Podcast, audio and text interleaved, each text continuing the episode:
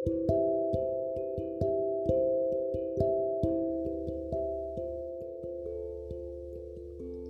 berapa kali saya bilang, jangan mau diubah siapa pun. Karena jadi diri sendiri aja belum tentu bahagia 100%. Apalagi jadi besar karena perkataan orang.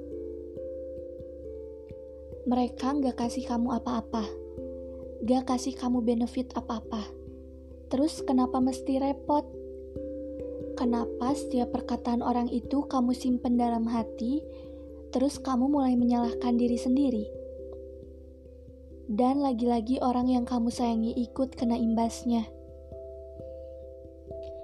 Kalau hidup perihal banyak tuntutan, dan kamu sebagai tersangkanya, terus orang lain tugasnya cuma lihat kamu kelimpungan dengan tuduhan-tuduhannya, kamu berhak tutup telinga.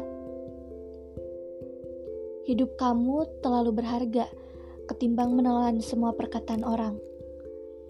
Yang tahu kapasitas pikiranmu sampai mana ya kamu.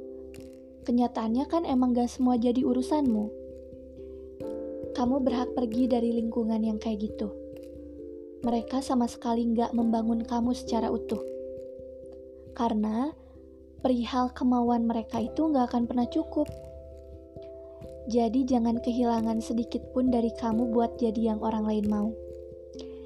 Kalau perihal bertahan di suatu keadaan itu sulit, dan kemampuan orang itu beda-beda, ya sewajarnya aja kamu berhak berhenti sampai mana.